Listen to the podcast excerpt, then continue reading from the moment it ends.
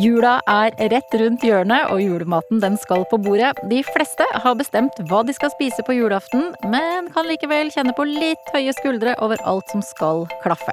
Og vi kjenner godt til de mest vanlige spørsmålene om julematen, og matpratekspertene har selvfølgelig alle svarene.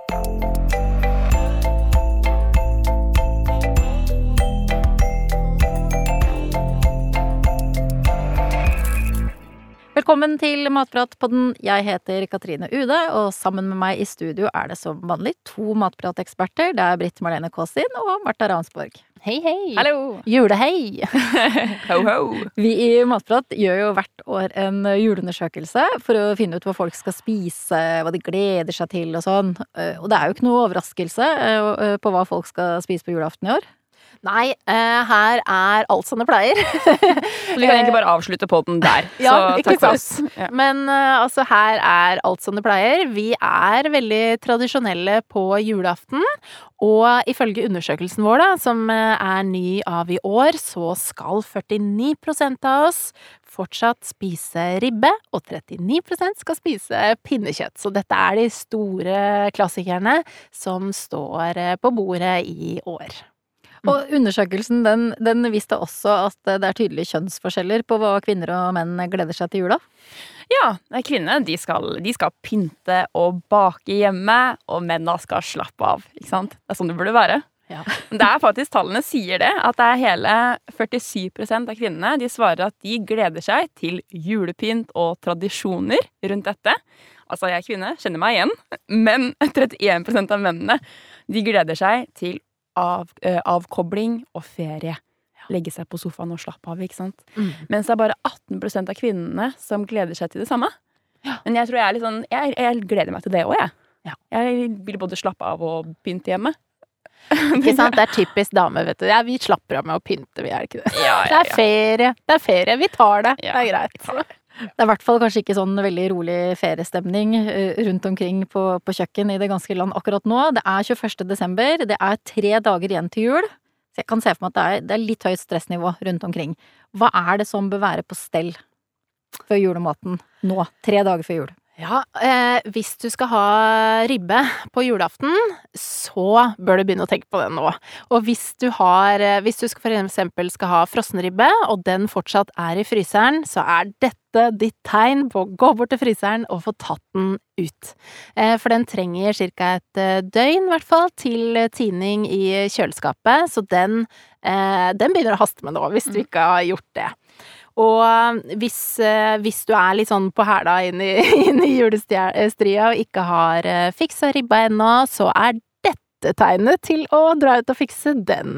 For nå er det jo bare et, noen dager igjen, og vi anbefaler jo gjerne at du begynner med å krydre ribba, altså med salt og pepper, en to-tre dager i forkant. Så i kveld er egentlig ganske perfekt tidspunkt å starte på det, så at du får krydra den ordentlig godt Eh, sånn at den er eh, klar til jula.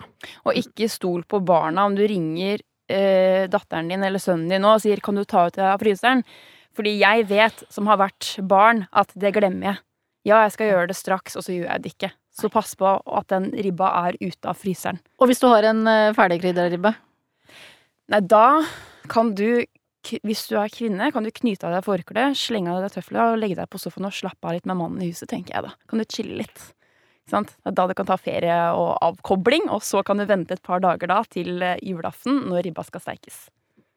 Eh, hva med de som skal ha pinnekjøtt? Hvor er det det brenner nå eh, i pinnekjøttkjøkkenet tre dager før jul? Ja, eh, med pinnekjøtt så skal du jo også være litt eh, ute i god tid. Sjekke at du har eh, alt du trenger. Vi har en veldig god sånn huskeregel for å huske når du skal begynne å vanne ut pinnekjøttet, ikke sant? For det er noe som skal gjøres i forkant. Da har vi huskeregelen 33, som betyr 30 timer utvanning. Så det er ikke så lenge til du bør begynne å legge det i vann også, og tre timer damping. Og så blir det alltid litt sånn kontroversielt når vi går ut og sier det, for veldig mange har jo sine tradisjoner. Men vi syns at 30 eh, timer er veldig bra for å få tilført mye av den derre eh, væsken tilbake i kjøttet, gjøre det saftig og fyldig igjen. Eh, så det er bare å begynne å notere seg og starte snart med det. Mm. Ok, så da bør alle ha fått med seg hva Mm. som nå må være på stell. Mm. Eh, Og hvis vi nå ser for oss at vi går inn i siste innspurt eh, på julemiddagen, enten om det er dagen før dagen eller bare noen timer før julemiddagen skal på bordet, så tikker du gjerne inn meldinger til dere. Hva slags ribbespørsmål kommer til dere sånn helt på tampen? Det er mange som liker å forberede så mye som mulig dagen før. Og det skjønner jeg veldig godt. Det gjør jeg sjøl. Det er jo en kjempefordel. Og da er jo et veldig vanlig spørsmål er om ribba kan steikes dagen i forveien. Eh, og svaret er ja, absolutt. Eh, hvis du skal steike ribba dagen i forveien, så eh, bør ribba avkjøles helt på kjøkkenbenken før du setter den inn i kjøleskapet for natta. Du kan skjære den opp kald i serveringsstykker. Eh, og så kan du varme det opp sammen med tilbehøret, som gjerne da er medisterkaker og medisterpølser på julaften. Og da sier vi sånn ca. 30 minutter på 200 grader. Så er det ferdig samtidig, og du får en eh, deilig varm ribbe på veldig kort tid på julaften. Det er jo gjerne den der førstresset, da, som mange lurer på for å ikke stresse på dagen. Ja. Mm. Mm. Og så er det også et vanlig spørsmål. Eh, det ser vi også på Google. Hvis man begynner å skrive inn sånne spørsmål om ribbe, så er det liksom Skal ribbe? Kan jeg? Et eller annet ribbe. Og da er det et spørsmål som dukker opp hele tiden, og det er Skal svoren opp eller ned? Og vi sier opp. Og det er eh, Det er jo litt uenighet om det hva som er best, men vi tenker at det er mye mer praktisk å legge den med eh, svoren opp fra starten av. Eh, For da slipper du hele den der flippeprosessen underveis. Ribba er varm, og det blir grisete, og kjøkkenbenken er kanskje ikke så veldig stor heller. Vi kjører den i samme stilling hele veien. Så det vi gjør da, er å legge den i en langpanne med svoren opp. Og så er det vel tusenkronersspørsmålet på ribba. Hvordan får jeg sprø svor? Ah, det er den, det er den som skaper eh, litt sånn stress, sikkert, i hjemmene nå. Og som alltid er det derre siste momentet, det vi er spente på. Alle når alle kommer og samles rundt bordet, så er det ha, er svoren sprø i år? Og eh, det er jo egentlig flere faktorer da, som bidrar inn på det her med sprø svor. Det første er jo Det starter jo egentlig allerede i butikken, når du skal velge ut eh, ribba. Så er det viktig at du får en ribbe som har litt sånn eh, godt med fettlag under svoren. For det fettlaget er da med på å liksom bygge opp sånn at du får skikkelig høy temperatur nedenifra, da. Men det er for seint nå. nå ja, er jo, ja, men nå den jeg sier at det er mer komplekst enn som så, da. Ja. Hva skjer nå? Du sitter og ser inn i ovnen. Ja, for det er vel det, ikke sant. Og så er det saltinga, som vi var inne på, som også er med på å liksom forberede ribba og sånt. Og begynte å liksom at den eh, trekker ut litt fukt og sånn. Alt dette her er jo viktig i forberedelsesfasen, da. Og så var vi inne på dette her med damping, eh, som også er et eh, viktig element for å få liksom den derre eh, poppende sprø svoren som vi er så glad i her i Norge.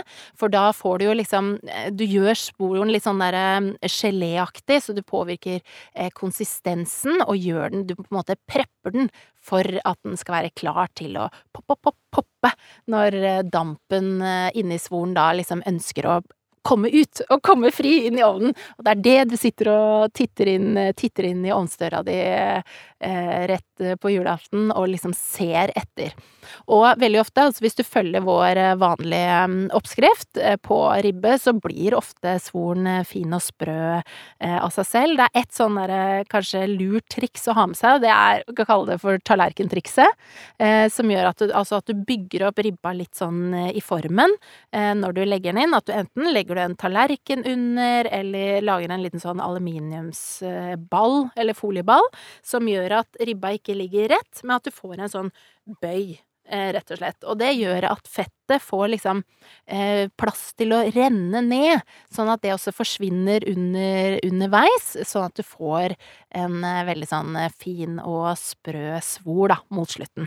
Eh, og hvis det ikke skjer av seg selv, så har du jo da den eh, siste innspurten, som er det kritiske elementet, hvor du kan skru opp temperaturen opp mot eh, 250 grader. Her skal det bli høy varme. Du kan også gå over til grillfunksjonen for å få opp det der lille ekstra futtet, men da er det veldig viktig ikke gå noe sted, ha øya rett mot eh, ribba, ikke blunk, og følg med, for her kan det gå fort. Og hvis det skjer at det er noen sånne elementer øh, som ikke blir sprø, så kan du også bruke litt aluminiumsfolie, dekke til de områdene som er fine, og liksom gi de derre øh, øh, Hva er det? De områdene med hva skal man si, potensialet? Litt utfordring? ja. Litt ekstra oppmerksomhet, da. Så det der siste kritiske er kanskje liksom at du må, du må liksom gi av deg sjæl, du må følge med, du må liksom gi litt innsats og se på den og rett og slett være der, da. det er jo det som gjør noen til en god ribbesteker ja. også, tenker jeg. Ja. At det, er det som, fordi mange klarer å følge fremgangsmåten på en oppskrift, men det er det siste, det å følge med og klare å se hvor det mangler, og hvor du må gjøre litt ekstra eller litt være ekstra kjærlighet. Være litt på, da. Ja. ja. Være i ett med ribba si. Og så er det et eh, spørsmål som kanskje er av litt nyere karakter, men vi ser at det er en gjenganger. Mm. Airfryeren. Hva er det folk lurer på? Kan jeg lage ribbe i air fryer? Og hva svarer du da? Da svarer jeg ja vel. Nei da, jeg. Eh, jeg, var, jeg, jeg, har vært litt sånn air fryer-skeptiker fra starten av, skal være så ærlig. Eh, men jeg begynner å bli litt overbevist, altså. Eh, fordi vi måtte jo teste det. Det er jo så mange på TikTok og på Instagram som går god for det. Og det funker som bare det. Vi har prøvd, og vi har prøvd flere metoder også. Og mm. det blir en dritgod svor, altså.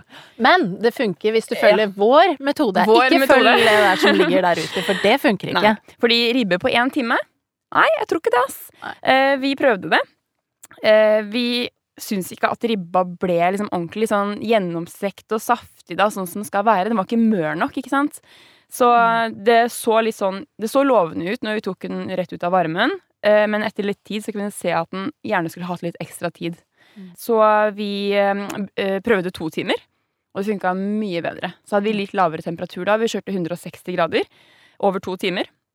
og da trenger du ikke å justere så mye underveis heller, for det er grunn av den varmluftsirkuleringen, da, så vil du få sprø svor som bare det. Og så kjørte vi jo litt sånn damp også, som forsvinner litt sånn underveis også i starten, sånn at mm. den får gjort seg god og saftig og ja. Mm. Jeg syns den vi endte opp med, ble veldig fin, og det kan jo være et litt sånn godt alternativ kanskje hvis man skal steke ribbe til én eller til eh, to, som gjør at det kan gå litt sånn eh, raskere og oppleves som litt sånn enklere òg, da. Kanskje ikke når mm. du skal steke til liksom storfamilien, men ja. Perfekt hvis du mm. skal lage litt mindre ribbemiddag. Eller så har du kanskje en familie som eh, min, hvor vi er ikke helt enige om hva vi skal spise på julaften. Ja. Eh, nå skal ikke jeg kaste søsteren min under bussen, men eh, hei, Maren. Eh, hun vil ha ribbe. Det er tradisjon. Vi andre i familien vi har gått litt sånn Skal vi gå over til pinnekjøtt, eller? Er ikke det litt digg, da? Ah, dere har sånn crossover? Ja, litt crossover. Ei, ei, ei, så vi har eh, gått over eh, til ribbe pinnekjøtt nå. Men Maren må ha ribbebiten sin. Og da burde Ja, er, jeg kan forstå henne. Altså, hadde jeg noen tatt fra pinnekjøttet fra meg nå, så hadde jeg kanskje blitt litt lei meg. Eh, men da burde jo vi hatt eh, slik en air fryer, vet du, for å lage av den lille ribbebiten. Mens nå nei, mamma gjør en innsats altså, for å få den der ribba på bordet. Ja. Mm, ja. Er det varmt både i ovnen og på komfyren? Ja. ja.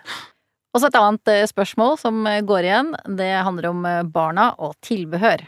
Barna liker ikke surkål rødkål. Hva er alternativt tilbehør til ribbe? Jeg syns det er kjempegodt med rosenkål. Alle barns favoritt. ja. Ikke sant? Må bake det inn i litt ost, så kanskje. Nei da. Eh, men det mm. kan gjøres Det kan pimpes opp litt rosenkål. Kan gjøre den litt mer spennende. Du kan gjøre dele den i to. Eh, og så kan du steke den i litt godt smør. Mm. Eh, litt salt og pepper. Så blir det litt mer sånn crunch. Det blir en litt sånn stekeskorpe. Og så smør smaker godt da, ikke sant. Det blir litt mer smak. En annen ting er også ovnsbakte gulrøtter. Gjerne liksom med, glasert med litt honning. Eh, det er kanskje ikke et veldig tradisjonelt tilbehør til ribba, men det er skikkelig godt. Mm. Så det er jo lov å leke seg litt hvis man eh, har lyst til det, da. Ja. Ellers får du spise det som er Potet. Potet. Ja. Det er godt, det òg. Ja. Så er det pinnekjøttet, og det er jo de samme spørsmålene som folk lurer på år etter år, for julemat det, det lager vi jo stort sett bare én, kanskje to ganger i året. Og første spørsmålet som melder seg på pinnekjøtt, som kanskje er det største krisa, hjelp, jeg har glemt å vanne ut pinnekjøttet. Hva gjør jeg nå? Er det krise? Da, det er ikke noe håp for deg. Det ikke nok, det blir ikke noe jul.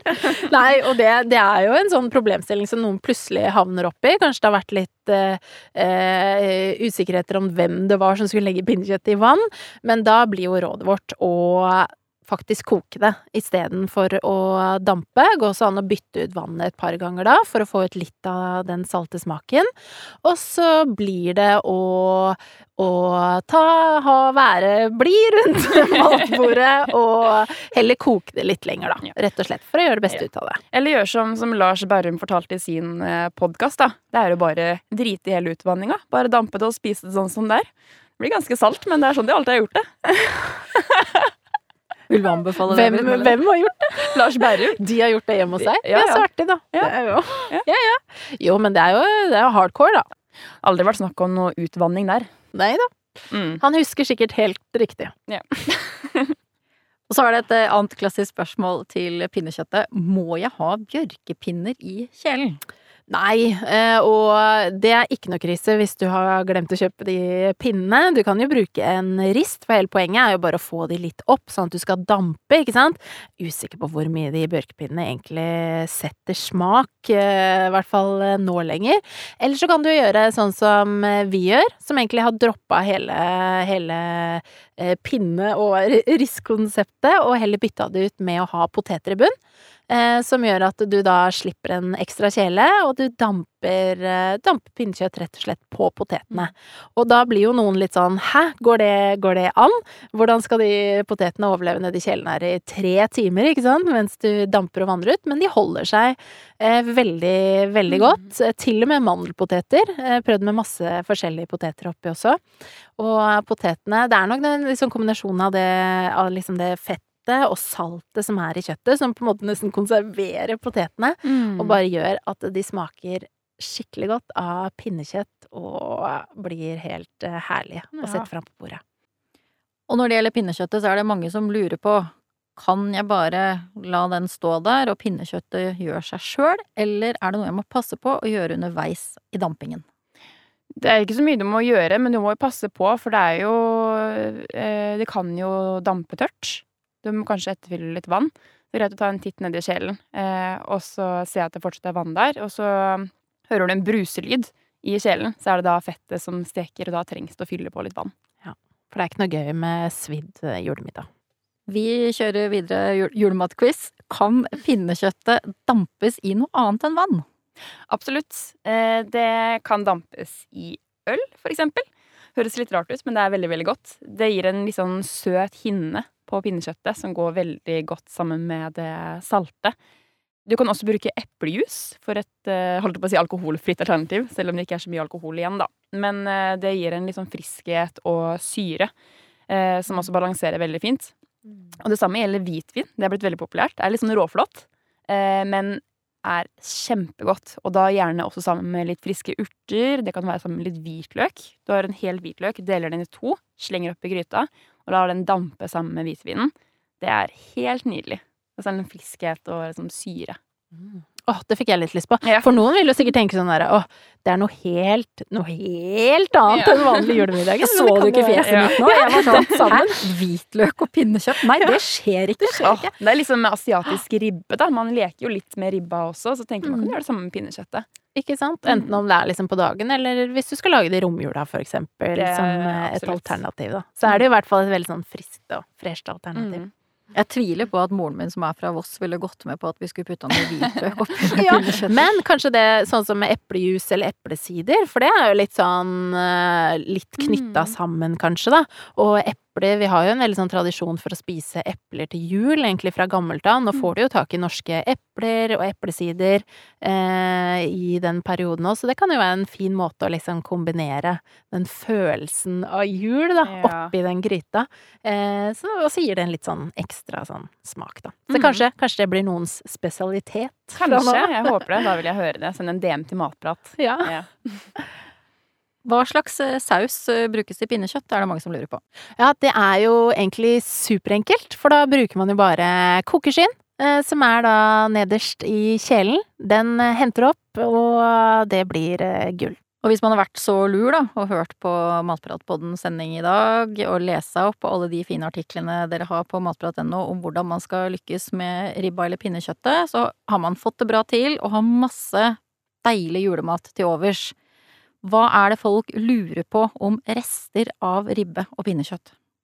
Ja, det er jo Og vi hadde jo den derre juleundersøkelsen vår som vi eh, fikk i starten av desember, og der var det faktisk så mye som Jeg tror det var én av fem som oppga at de kaster mye mer mat i jula enn ellers, da.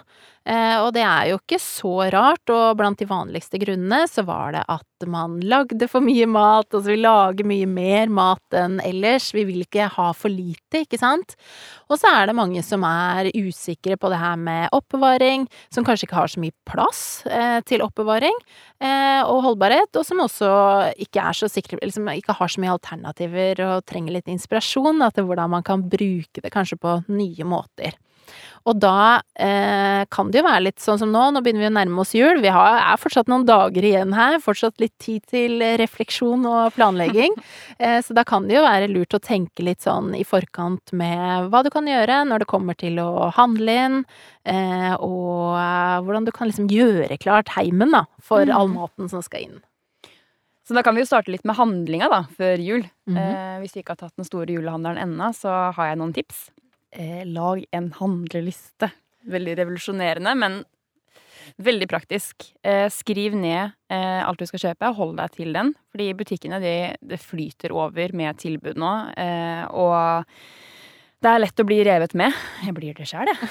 Ja. Eh, så hold hodet kaldt. Eh, prøv å se for deg når du skal bruke det du kjøper har, kommer du over et godt tilbud og tenker sånn åh, det hadde passa perfekt til eh, andre juledag når tante Siv kommer, kjøp det, da. Men har du ikke noe besøk av tante Siv da, og får ikke brukt det noen gang, så dropp det. Og så nummer to, unngå å kjøpe dobbelt opp. Ta en titt i kjøleskapet og i skapene dine før du går på butikken. Eh, jeg liker å ta et bilde av kjøleskapet, fordi jeg gidder ikke alltid å skrive den listen over hva jeg har og hva jeg mangler. Så jeg bare snapper litt sånn i kjøleskapet og i skuffene og i skapet. Så når jeg står på butikken da og tenker sånn har jeg egentlig soyasaus? Så kan jeg si at ja, jeg har tre flasker soyasaus i kjøleskapet. Um, og så uh, er det lurt å planlegge for uh, hva du kan ha på lur, slik at du får brukt opp restene. Uh, velg deg én sånn restefavoritt, da, eller som du kanskje har gledet deg til å lage. Kanskje det er pinnekjøtt i vaffel, jeg vet ikke. da kan i hvert fall ha noen ingredienser på lur. Og da kan det være lurt å planlegge for å lage for mye. Sånn at du ikke bare sitter igjen med en sånn liten rest som er liksom for liten til å lage noe nytt og godt ut av. Mm. Så det, det, er faktisk et veldig sånn vanlig matsvinn eh, Eller en grunn til at folk kaster mat, da, er jo det at det er ikke nok til at det blir liksom en fullstendig rett. Mm. Så det å ha nok da, til et fullt måltid, det er et godt tips. Mm.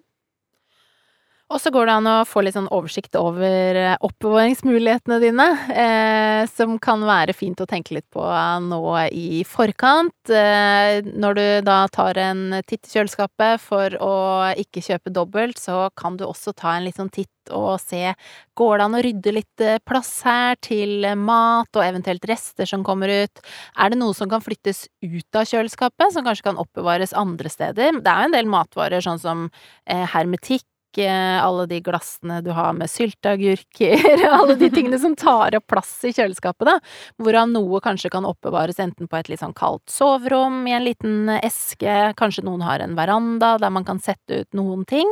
Så liksom, gjør litt plass for jula nå litt i forkant, sånn at du har muligheten til å sette inn rester. Og eh, når det kommer til sånn rester av julemat eller noe sånt, så er det jo også lurt å huske på liksom under middagen at man etter hvert som man er ferdig, at man prøver å sette sette inn eh, rester i kjøleskapet så fort som mulig, sånn at også holdbarheten eh, holder seg lengst mulig, da. Det er litt sånn smart at du hele tiden tenker litt sånn på morgendagen underveis eh, i prosessen. Og hvis man da har vært kjempeflink, da, og satt restene inn i kjøleskapet, enten det er ribbe eller pinnekjøtt, hvordan varmer man dette opp igjen? Skal vi ta ribba først? Mm. Eh, skal du servere ribbe på tradisjonelt vis, lage en sånn full middag av det, eh, så kan du sette kjøleskapskald ribbe i porsjonsbiter. Eh, sammen med da tilbehøret som gjerne er medister, kaker og pølser, inn i ovnen på 200 grader i 30 minutter. Da skal det være gjennomvarmt. Du kan jo også ta en test, da. Skjære den gjennom og sjekke at det er ordentlig godt og varmt. Og så et annet alternativ er jo å dele i mindre biter og steke det i stekepanne eh, med litt olje. Det blir ikke like tradisjonelt da, men det blir liksom en twist da på restematen. Mm. Eh, hvor du da kan tilsette litt eh, krydder eller andre, andre ting som setter litt ekstra smak på, på maten. Og det er jo helt supert når du har lyst på liksom et litt sånn annet smaksbilde, da. Kanskje eh, noen liker å spise da, den julematen flere ganger i jula. Noen blir sånn 'Å, nå har jeg spist det én gang, jeg vil, vil, ikke spise det igjen før neste jul'. ja. Men det å liksom tilføre noen helt andre smaker, da, gjør jo at det liksom oppleves som et nytt måltid, og kan jo være et veldig sånn fint sånt avbrekk i den romjulstida. Og da, ikke sant, ha noen små ribbebiter, da, som du freser opp i panna. Enten at du har litt sånn derre middellav, sånn gyros, eh, krydder, oregano, ikke sant, den type smaker, sammen med litt sånn gresk salat, noe Mm. friskt. Eller om du har oppi litt sånn hoisinsaus, lager det til en litt sånn asiatisk eh, variant, kanskje med noe steam buns, hvis det er litt fancy. Mm. Ja. Sånn soyaglasert ribbe i steambuns. steam buns. Ja, det er veldig godt, og det blir jo sånn restemat på et helt sånn annet nivå. Det blir jo heller en sånn nytt, ny middag, så er det jo ikke så farlig liksom akkurat hvor mye du har, men at du, du kan gjøre noe litt sånn ut av, så sper du på med liksom andre ting også underveis, da. Er svoren eh, sprø og fin, så kan du ha med den, hvis ikke så skjærer du den bare litt sånn eh, bort. Så Mm. bruker du det du har, da. Og hva med pinnekjøttet, da? Hvordan kan man få brukt opp eh, det man har igjen fra julematen? Hvordan varmes det opp? Det kan jo, du det liksom stående i den samme kjelen kanskje, noen setter jo det bare kaldt av avkjøling, så kan du jo dampe det opp igjen i den eh, samme kjelen. Eh, eller så kan du legge det over i ovnen, akkurat som når man skjerper det, eh, som man kaller det, før eh, julemiddagen. At du varmer det opp i ovnen, kan du bruke en 200 grader eh, der òg, til det er gjennomvarmt og fint. Og der kan du også enten spise det litt sånn som det er, med de andre restene kanskje fra middagen, eller lage noe helt annet igjen, da, hvis du har forberedt, kanskje har litt sånn sauser, litt Mm. krydder eh, som du handla inn, eller sørge for at du har på lager, i hvert fall fra eh, forkant.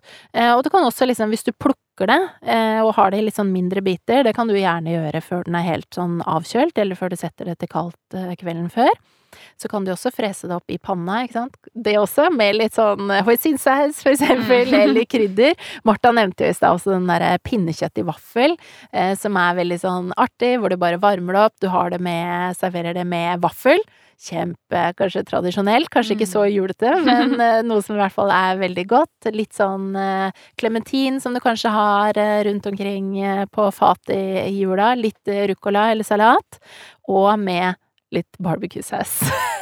Mm. Som du også kan ha på lur. Jeg har en sånn sprutflaske med barbecue-saus som jeg lagde i sommer, som jeg har i kjøleskapet mitt. Varer fortsatt, det varer for alltid. Når du først eh, lager det, så har du alltid noe klart til å sette en viss smak på ting, som gjør det at det er litt sånn lettere å være impulsiv da, og leke litt med smaker underveis. Og vi har jo også på YouTube nå, så har vi jo den Dagen derpå-serien med Cecilie, hvor de tester ut eh, både pinnekjøtt i vaffel og ribbe i vaffel. Mm. Så hvis dere ikke har sett den, så må dere inn på YouTube og så se den, og se Da var det jo også en avstemning. Du var jo der, Martha. Mm. Skal jeg avsløre nå hvem som vant, eller skal vi tise litt? Oh. Uh, tror vi må se selv, jeg. Ja, du må Ja. inn og se. Inn, og se selv. Ja, Mm. det er veldig gøy, da. Og hvis man er metta på, på julemat, eh, også i romjula, eh, vil ikke ha mer pinnekjøtt og ribbe på en stund, hva kan man gjøre da? Du kan jo fryse den ned. Det kan du gjøre. Pass på, det er lurt å rense i forkant. da. Det går mye lettere både med tiningen og lettere å finne bruksområder til etterpå.